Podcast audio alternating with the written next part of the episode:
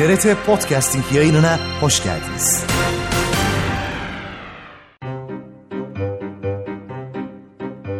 Berrin, Berrak, Ora, Fulla'dan. Aa, Emir, Gizem, neredesiniz?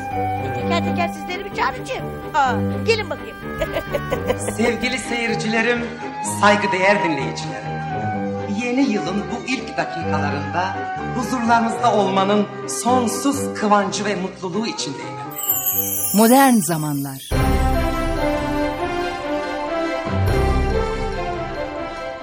Yüce Meclis'in aziz milletvekilleri, Yüce Meclis'in itimadına mazhar olduğumuz takdirde mevcut zorlukları yeneceğimize inanıyoruz. Galatasaray yarı finalde ağlamak istiyorum.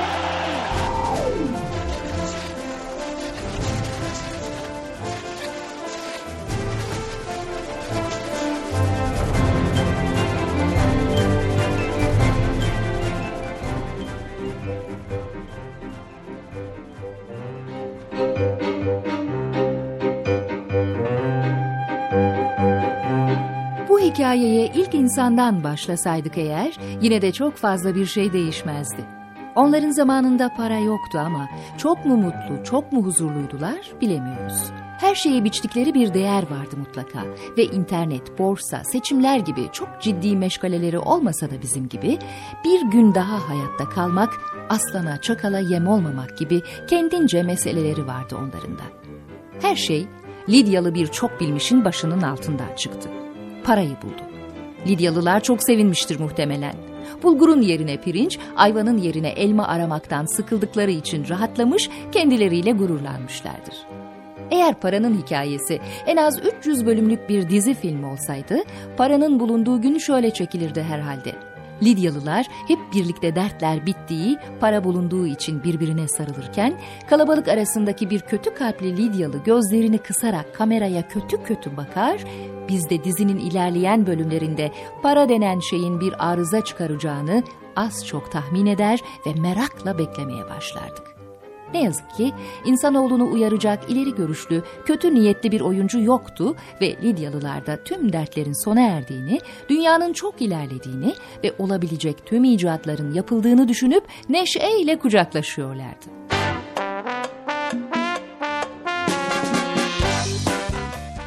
Fransızlar peruk takıp yüzlerine Belgin Doruk'unkinden bile daha büyük benler kondurduğunda, Vikingler saçlarını örüp savaşa koştuğunda, Romalılar tembelce koltuğa uzanıp üzüm yediğinde, gemideki pek çok Danimarkalı, İskoç, İngiliz ufuktaki karaya bakıp Amerika denen yeni ülkede yaşamanın ne kadar harika olduğunu düşündüğünde, zihinlerinin bir köşesinde para hep vardı. Takvim sayfaları 80'lerin Türkiye'sine geldiğinde ise para artık insanların zihninde, kalbinde, elinde, avucunda ve yüreceğinin tam içindeydi. Para artık ulaşılamaz değildi. İsteyen kafasını kullanır, gerekli kimselerle tanışır, biraz çalışır ve uğraşırsa parayı kazanabilirdi. Artık hakkında konuşmak da serbestti. Eskisi gibi ben çok zenginim deyince cık cık cık deyip ayıplamıyordu hanım teyzeler. Kroyum ama param var yazıyordu yüzlerce arabanın arkasında. Para varsa gerisi önemli değildi artık. Hatta hem kro hem zengin olmak daha da makbuldü. Arabanın arka camına yapıştırılan o küçük yazı o arabanın kro sürücüsünün çok zeki ve iş bitirici olduğunu söylerdi.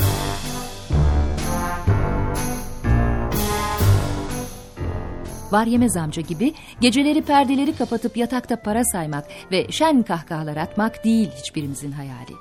Paraya çok düşkün de değiliz zaten. Ama en azından ayağımızı yerden kesecek bir araba istiyoruz. Başımızın üstünde bir çatı olsun, mümkünse bizim olsun istiyoruz. Artık her yaz tatil yapmak şart bu yüzyılda. Bütün sene çalıştıktan sonra denize girmek, biraz dinlenmek hakkımız. E olmuşken her şey dahil olsun da kaç para vereceğimizi de baştan bilelim diyoruz. Arada bir yurt dışına gitmek de fena olmaz. Zaten artık turlar da çok ucuz. Vitrinlerdeki çizmeleri, montları, elbiseleri saymaya gerek bile yok. Hepsini istiyoruz. Bunlar artık lüks değil, ihtiyaç.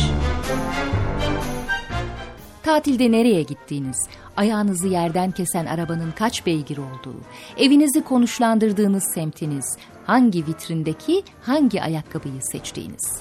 Artık sizin kimliğiniz. Bu yeni kimlik bizi nasıl etkiliyor? Orta Doğu Teknik Üniversitesi Sosyoloji Bölümü öğretim üyesi doçent doktor Adnan Akçay anlatıyor.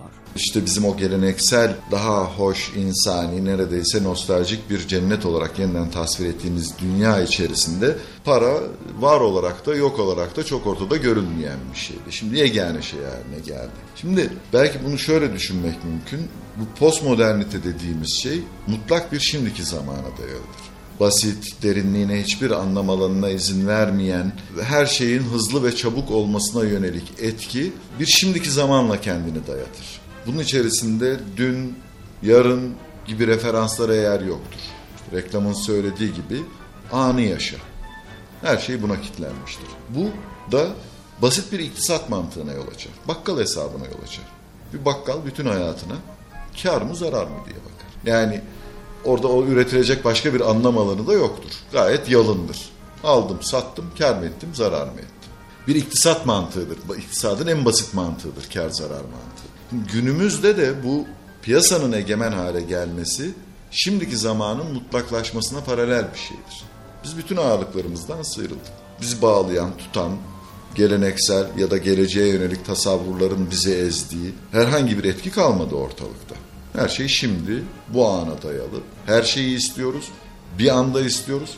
En bol miktarda istiyoruz vesaire. Şimdi bütün bunları da soyut anlamda ifadelendirebilecek yegane referans paradan başka bir şey değildir. Para o kadar egemen hale gelir ki artık bu çerçeve içerisinde ortada görülmez hale gelir. Kalmaz.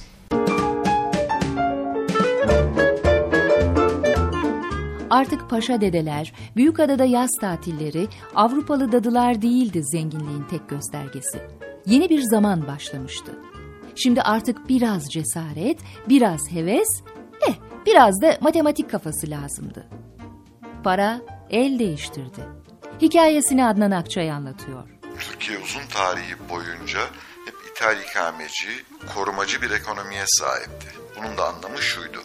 Devlet ekonomide belirleyici bir role sahiptir. Hem kaynakların dağıtılması hem de bu kaynaklar üzerinden sağlanan e, artı değerin bölüşülmesi konusunda devlet belirleyici bir hakimiyete sahiptir. Yani kimin var olan zenginlikten ne ölçüde pay alıp alamayacağının temel belirleyicisi resmi resmiyettir, devlettir. Ama 80'lerden sonra ortaya çıkan, yeni ortaya çıkan ekonomik yapılar bu çerçeveyi biraz tepe taklak etti. Günümüzde bunun etkilerini de çok fazla görüyoruz. Yani devlet ekonomideki belirleyiciliğini giderek sınırlayan, daraltan, geri plana iten bir aktör olmaya başladı. Bunun ortaya çıkardığı şey de tabii ki o zenginlikten kimin nasıl pay alacağının belirlendiği alanın devletten giderek uzaklaşmasıydı. Bu da eski geleneksel varsıl sınıflar yerine bunlar devletle ilişkileri bağlamında bu varidatlarını elde etmiş gruplardı çoğunlukla. Giderek yeni sivil, o yeni ekonominin ortaya çıkardığı, ister bunlarla türedi zenginliğin, ister yeni burjuva deyin, e, yeni e, sermayedarlar deyin, daha sivil kesimlerin ortaya çıkmasına yol açtı. Bunlar da tabii ki hem tüketim alışkanlıkları anlamında ilkten bocaladılar. Yani etrafındakilerden farklılaşmanın çok kolay yaşandığı bir ülke olmadı burası. Yani o zenginliğin bariz e, sergilenmesinin hemen bir anda olmadığı bir şeydi bunun deneyimlerini kazanmaya başladılar. İşte düğünler, dernekler, farklı hayat tarzları ortaya çıkmaya başladı. Giderek yabancı markalar girdi. Giderek sokak kullanmaya başladık. E, giderek dışarıda daha çok yemek yemeye başladık ve artık neredeyse bugün işte bütün kentin en azından belli merkezlerinde herkesin kolaylıkla ulaşabileceği işte fast food ya da daha e, lüks lokantaların yer aldığı yani artık evin dışına taşmaya başladık para bir yandan bunları da mümkün kıldı. Ama bu hayat örüntüleri belirli kültürel deneyimlerle ortaya çıkacak olan bir şeydi. Şimdi bunun sevimsiz örnekleri hala görülüyor olabilir. Yani sokağa kullanmaktaki deneyimsizliklerimizin izleri işte geçen yıl başında Taksim'de olanlar vesaire. Ama bunları öğrenmek zorundayız. Yani kadınlar ve erkekler olarak işte kendi ailemizden olmayan ama aynı toplumun parçası olduğumuz insanlarla farklı şekillerde bir arada olmayı becermek zorundayız. Bunların kanallarını da öğreneceğiz ve giderek de öğreniyoruz zaten ama ilk başlarda e, sizin de herhalde üzerinde durduğunuz, anlamaya çalıştığınız şey bu zenginliğin sergilenmesi, o zenginliğin sadece bir para tüketimi ve ötekinden farklılığının abartık ve görgüsüz bir örneği olarak yaşamaktansa artık yavaş yavaş bunun kendine ait bir kültüre sahip olması gerektiği, ne bileyim ara sıra tiyatroya gitmesi gerektiği, işte bir sanat koleksiyonuna sahip olması gerektiği, farklı hayatı zenginleştirecek sanatsal aktivitelerle beslenmesi gerektiği konusunda yavaş yavaş bu tür deneyimler de edilmeye başlandı. Ki böyle olmadığı sürece yani sadece ekonomik anlamda büyüme e, hiçbir zaman için kendini yeniden üretemiyor. Bütün dünyada bunu gösteriyor bize. O sınıfın yeni gelişen sınıfın kendine ait bir takım kültürel kalıpları da o hayatı zenginleştirecek, çoğaltacak farklı e, kültürel deneyimleri ve birikimi de edinmesi gerekiyor. Türkiye böyle bir çizgide ilerleyen bir ülke olarak ele alınabilir. Ulusal itibarımız one point yükselmişti. Başbakanımız Turgut Özal konuşmasının arasına İngilizce kelimeler serpiştirmeyi severdi. Köprüde hız denemesi yapmayı, hakkındaki karikatürlerini başbakanlık konutunun duvarlarına asmayı, şortla asker selamlamayı severdi. Alıştığımız her şeyi değiştirmişti. Elbette ekonomiyi de. Hacettepe Üniversitesi Antropoloji Bölümü öğretim üyesi doçent doktor Süavi Aydın anlatıyor. ANAP sadece siyasi yapıda bir değişimi temsil etmiyordu. Aynı zamanda iktisadi yapının dönüşümünde de çok ciddi bir farklılık yarattı. Zaten Özal'ın en çok başvurduğu terimlerden birisinin transformasyon olduğunu hatırlamak gerekiyor. Yani oradan biz zaten ne yapılmak istendiğini de anlıyoruz. Öncelikle e, ANAP'ın projesi Türkiye ekonomisini dünya ekonomisine eklemlemekti. Bu tabi o Reagan Thatcher döneminin küresel dünya ekonomisi, yeni dünya düzeni projesinin de en önemli parçalarından biriydi. Buna yönelik bir takım işler yapıldı ANAP döneminde. Hani belli başlı neler yapıldı diye sorulduğunda şunlar söylenebilir. Daha Özal ANAP'ı kurup başbakan olmadan önce olan bir şey var. O da çok önemli bir şey. Türk lirasının convertible hale gelmesi. Yani başka paralar karşısında bir ölçü işlevi görmeye başlaması. Yani kendinden menkul bir değerinin olması artık ortadan kalkmış oluyordu böylelikle. Diğer paralar karşısında bir şey ifade edebildiği ölçüde Türk lirası bir şeydi. Buna bağlı olarak ikinci bir hamle yapıldı. Türk parasını koruma kanunu diye bir kanun vardı. Bu kanuna göre mesela döviz taşımak suçtu 80 öncesinde. Mesela yurt dışına çıkarken alınan döviz pasaportlara işleniyordu. İşte ondan fazla dövizle yurt dışına çıkmak suçtu. İçeri döviz sokmak da suçtu. Şimdi bu kanunun ortadan kaldırılmasıyla bütün bunlar ortadan kalktı. Bu zaten küresel ekonomiyle eklemleşmek için zorunlu şeylerden bir tanesiydi. Ve Özal dönemi bunu gerçekleştirdi. Üçüncü büyük olay yine bu dönemde Türkiye'nin 1980 öncesinde geliştirmiş olduğu geleneksel ithal ikameci sanayi politikasının, iktisat politikasının ortadan kaldırılması. Yani yerli sanayici, burjuva yaratmak için Türkiye'de dışarıdan girecek mallar karşısında büyük gümrük duvarları örülmüştü ve içeride maliyeti ne olursa olsun pahalı da olsa yerli mal üretmek ve bunu iç piyasaya sunmak esastı. Özal'la birlikte bu ortadan kalktı. ANAP müthiş bir ithalat serbestisi getirdi. Gümrük duvarları diye bir şey kalmadı. Ve buna bağlı olarak yani bunun paralelinde Türk sanayini ihracata dönük bir sanayi haline getirecek bir takım önlemler alındı. Ve bu andan itibaren Türkiye ekonomisinin küresel ekonomiyle eklemleşmeye başladığını görüyoruz. Zaten bunun bugün de izleri devam ediyor hala. Yani bugün Türkiye ekonomisinin şekli de bunun sonucu. Böylelikle yabancı mallar Türkiye'ye rahatça girdi. Daha önce insanların tanımadığı, bilmediği ya da taşı, taşıdıkları takdirde suç olan şeylerin hepsi kolaylıkla alınır satılır hale geldi. Ve böylelikle aslında bugün yaşadığımız tüketim ekonomisinde zemini kurulmuş oldu. Kısaca iktisadi yapının değişimini böyle özetlemek mümkün. Özal espriden anlardı ama anayasayı en azından bir kere delmekte bir sakınca görmezdi. Yenilikçiydi ama zengini severim derdi. Enflasyonda başı dertteydi ama onun memuru işini bilirdi. Bazıları kızardı ona, bazıları severdi. Bazıları ayıplardı, bazıları hak verirdi. Özal'ın prenslerinden iş adamı Erol Aksoy anlatıyor. Yani benim bürokratım memurum işini bilir lafı döndü dolaştı onun aleyhinde kullanıldı. Halbuki onu söylerken benim bürokratım işini bilir yani işini bilerek yapar ve risk alarak yapması lazım demek isterken işini bilir yani o işini bilir parayı götürür gibisinden rüşvet alır gibisinden kullanıldı. O bakımdan onu bu şekilde söylemesi iyi olmadı dedim. Onun için bütün yapmaya çalıştığı şey oldu yani reaksiyon oldu bu konuda. Halbuki dürüst ve namuslu bürokrata daha çok e, daha çok hüziyet ve e, teşebbüs vermek lazım idi Türkiye'de. Rüşvet her zaman vardı. Özal'la başlamadı. Muhtemelen para yerine bulgur, pirinç, inek kullanılırken rüşvet çoktan bulunmuştu bile. Zenginleri sevme meselesine gelince, zengin fakir fark eder? Mühim olan insan olsun. Bir kerecik delini veren anayasalar, işini bilen memurlar, göz bebeği zenginler. Bize nasıl bir mesaj verdi? İmam ve cemaat ilişkisini psikiyatrist doktor Göksel Bayam anlatıyor. Direkt olarak bireyselciliğin öne çıkması mesajı. Artık benim için komşumun aç ya da tok olması, onun çocuğu onun bir okul kazanıp kazanmadığı, derslerinin nasıl olduğu ya da işte hani sokağın başındaki bir adamı ağlarken görüyor olmam hiçbir anlamı kalmamaya başladı. Ben paçamı kurtardım mı? Ben iyi bir yerde miyim? Ben kendim ya da benim için olan özel olan insanlar için iyi bir şeyler yeri, yapacak yere geldim mi? Asıl önemli olan bu olmaya başladı. En büyük handikapı toplumsalcı olmaktan bireyselci olmaya bir akış olmasıdır. Doğru, bireyin değerinin hiç olmadığı, bazen, bazen hakikaten her şeyin çok toplumsal algılandığı gereksiz dönemlerde yaşamadık değil. Ama toplumsalcılık ne kadar bu kadar hakimse, buna bir yanlış diyorsak, bireyselcinin de bir bu kadar hakim oluyor olması, insanların psikolojilerini hakikaten çok olumsuz yönde etkiler. Bir tek ben vardır. Hani bu benim bir büyüklüğü var.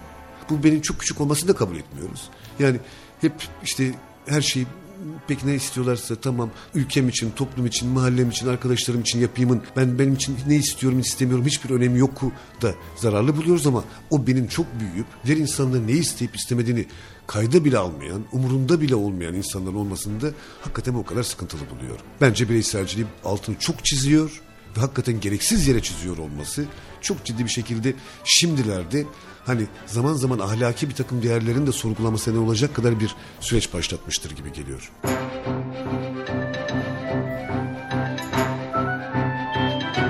Bütün dünya ile birlikte biz de para denince 30 yıl öncekinden farklı şeyler anlıyoruz. O yüzden bir zamanlar hakir gördüğünüz fakir ama onurlu genç vardı ya o benim işte repliklerini komik ve demode buluyoruz artık. Bir başkasını kurtarmak için kendini tehlikeye atan birini duyunca yadırgıyor, işin içinde bir hile arıyor ya da onun insan ötesi bir kahraman, süpermen olduğunu düşünüyoruz. Sadece çalışmanın para kazanmak için yeterli olmadığını anladık artık. Para için yaşamalıyız şimdi. Dünyanın en zengin adamı Donald Trump'ın yaptığı bir yarışma programı var Amerikan televizyonlarında. En başarılı, yani en açık göz, en becerikli, en hırslı, para kazanmayı doğal bir içgüdüyle becerebilen yarışmacıların arasından eni seçiyor Trump. Finale kalan dört yarışmacıyı karşısına alıyor ve her birine sen benim yerimde olsan kime elerdin diye soruyor. Yarışmacılar tabii ki bir gün gelip de Donald Trump'ın yerinde olabilmek için yüz takla atmaları ve çağımızın acımasızlığını akıllı olmak saymaları sebebiyle bir bir söylemeye başlıyorlar. Tom'un karizması yok. Emi liderlik vasıflarına sahip değil. Öbürü para kazanmayı bilemez, bir iki kazansa da bunu şirkete yar etmez gibi. Para kazanmanın en önemli yetenek, hırsın en kıymetli kişilik özelliği, kurnazlığınsa ihtiyaç sayıldığı günümüzde bu yarışma çağımızın bir özeti gibi. Bir eve kapanıp 24 saat meraklı, acımasız gözler tarafından seyredilmek, baskıya, gerginliğe, kişiliğine yapılan saldırıları görmezden gelebilmek, günlerce yüz yüze baktığın diğer yarışmacıya tabii ki aynı durumda onun da öyle yapacağını gayet iyi bildiği için en ağır eleştirileri, hakaretleri yöneltebilmek. Cesaret ister. Eh, en iyi olan kazanır. Ne mi? Para tabii ki. Parayla ilişiği kesmenin tek yolu pılıyı pırtıyı toplayıp ıssız bir adaya kaçmak ama bugünün şartlarında bunu da ancak televizyondaki bir adada yarışma programına katılarak başarabiliriz. Mahsusçuktan balık avlar, kameralara doğru çadır kurar, ağaçlardan meyve toplarız. Ama daha da uzaklara kaçamayız artık. Altın kafes içindeki muhabbet kuşları gibi olduk hepimiz. Doğaya uyum sağlayamayız. Parayla yaşamayı öğrenirken ne kazandık ne kaybettik. Göksel Bayam anlatıyor. Ne kazandırdı? Gerçekçi olmayı belki. Hani koşullarımızı doğru değerlendirmeyi. Yani paramız varsa gidebileceğimizi, paramız varsa alabileceğimiz gibi daha somut bir takım tanımlar haline dönüşmemizi. Böylelikle sınırları bildiğimizde de hani e, gerçekten bu sınırın ne kadar gerisinde kalıp ne kadar önüne çıktığımızı, hedeflerimizin ne kadar e, üzerine gidip gitmemiz gerektiğini, daha çok çaba gösterip göstermediğimizi tanımlayan somut bir gerçek halinde ortaya çıktı. Bu hani bu anlamda kattığı bir şeydir daha gerçekçi değerlendirmeler ve daha gerçekçi adımlar atmamızı sağlar. Ama bunun yanı sıra hani bu bahsettiğimiz şey şunu kaybettirir. Benim sağlıklı olup olmamın hiçbir önemi yoktur artık. Hani ben rahat yürüyebiliyor muyum? Hani oranın yemekleri işte benim midemi bozuyor mu, bozmuyor mu? Ya da o sırada başım mı ağrıyor? Ya da yattığım yatağın ya da yattığım yastıkta rahat uyuyabiliyor muyum? Yani bunlar değiller artık. Hani orada kiminle karşılaşacağım? Orada bana karşılaştığım kişi hangi fıkrayı anlatacak? Ben gerçekten çok gülecek miyim, eğlenecek miyim? Hani buna benzer şeyler olmamaya başladılar. Bunlar çok gerçek, somut şeyler değillerdir ama yurt dışında yaşayan birçok insan bunu çok iyi bilir. Orada bunun sıkıntısını yaşarsınız. Birinin sizin anlattığınız fıkraya gülmesini istersiniz. Ve gerçekten hani sizin aranızda arkadaşlarla çok güldüğünüz bir şeyi onların da gülmesini istersiniz. Ama hani para dediğimiz gerçek, hani gideceğimiz yerdeki tatili belirleyecek şey paraysa, parametremiz paraysa, beş yıldızlı köy ya da işte hani tatil köyü ya da gidilecek işte yabancı ülkedeki bir yerse bu durumda bu değerlerin hiçbirinin önemi yok. Ben bunu gerçekçi olarak bulmuyorum. Yani bir miktar rengini kaybetmiş olmak gibi değil. Yani ben hep daha geniş yaşamak, yaşadığımız alanı çok daha genişlettiğini düşünüyorum paranın ama derinliğimizi azaltan bir şey olduğunu düşünüyorum ve artık derinliği de ne kadar önemsediğimiz de çok da tartışılır bir şey haline gelmeye başladı.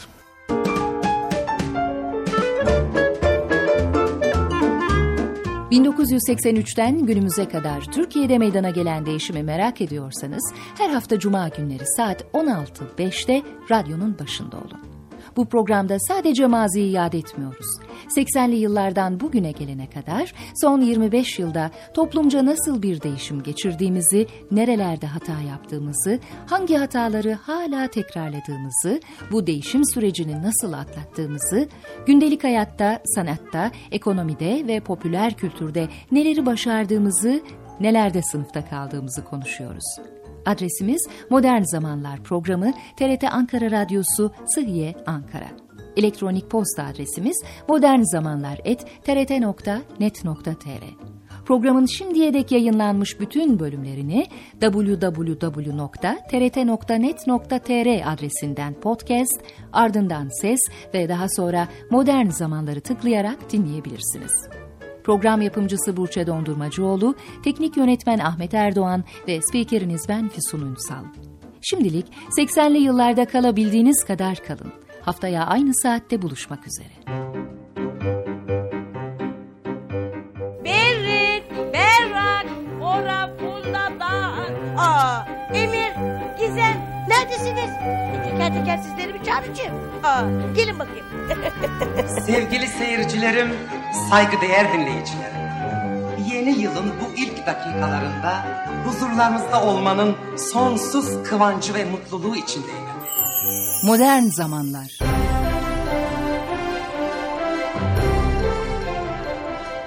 Yüce Meclis'in aziz milletvekilleri, Yüce Meclis'in itimadına mazhar olduğumuz takdirde mevcut zorlukları yeneceğimize inanıyoruz. Galatasaray yarı finalde ağlamak istiyorum.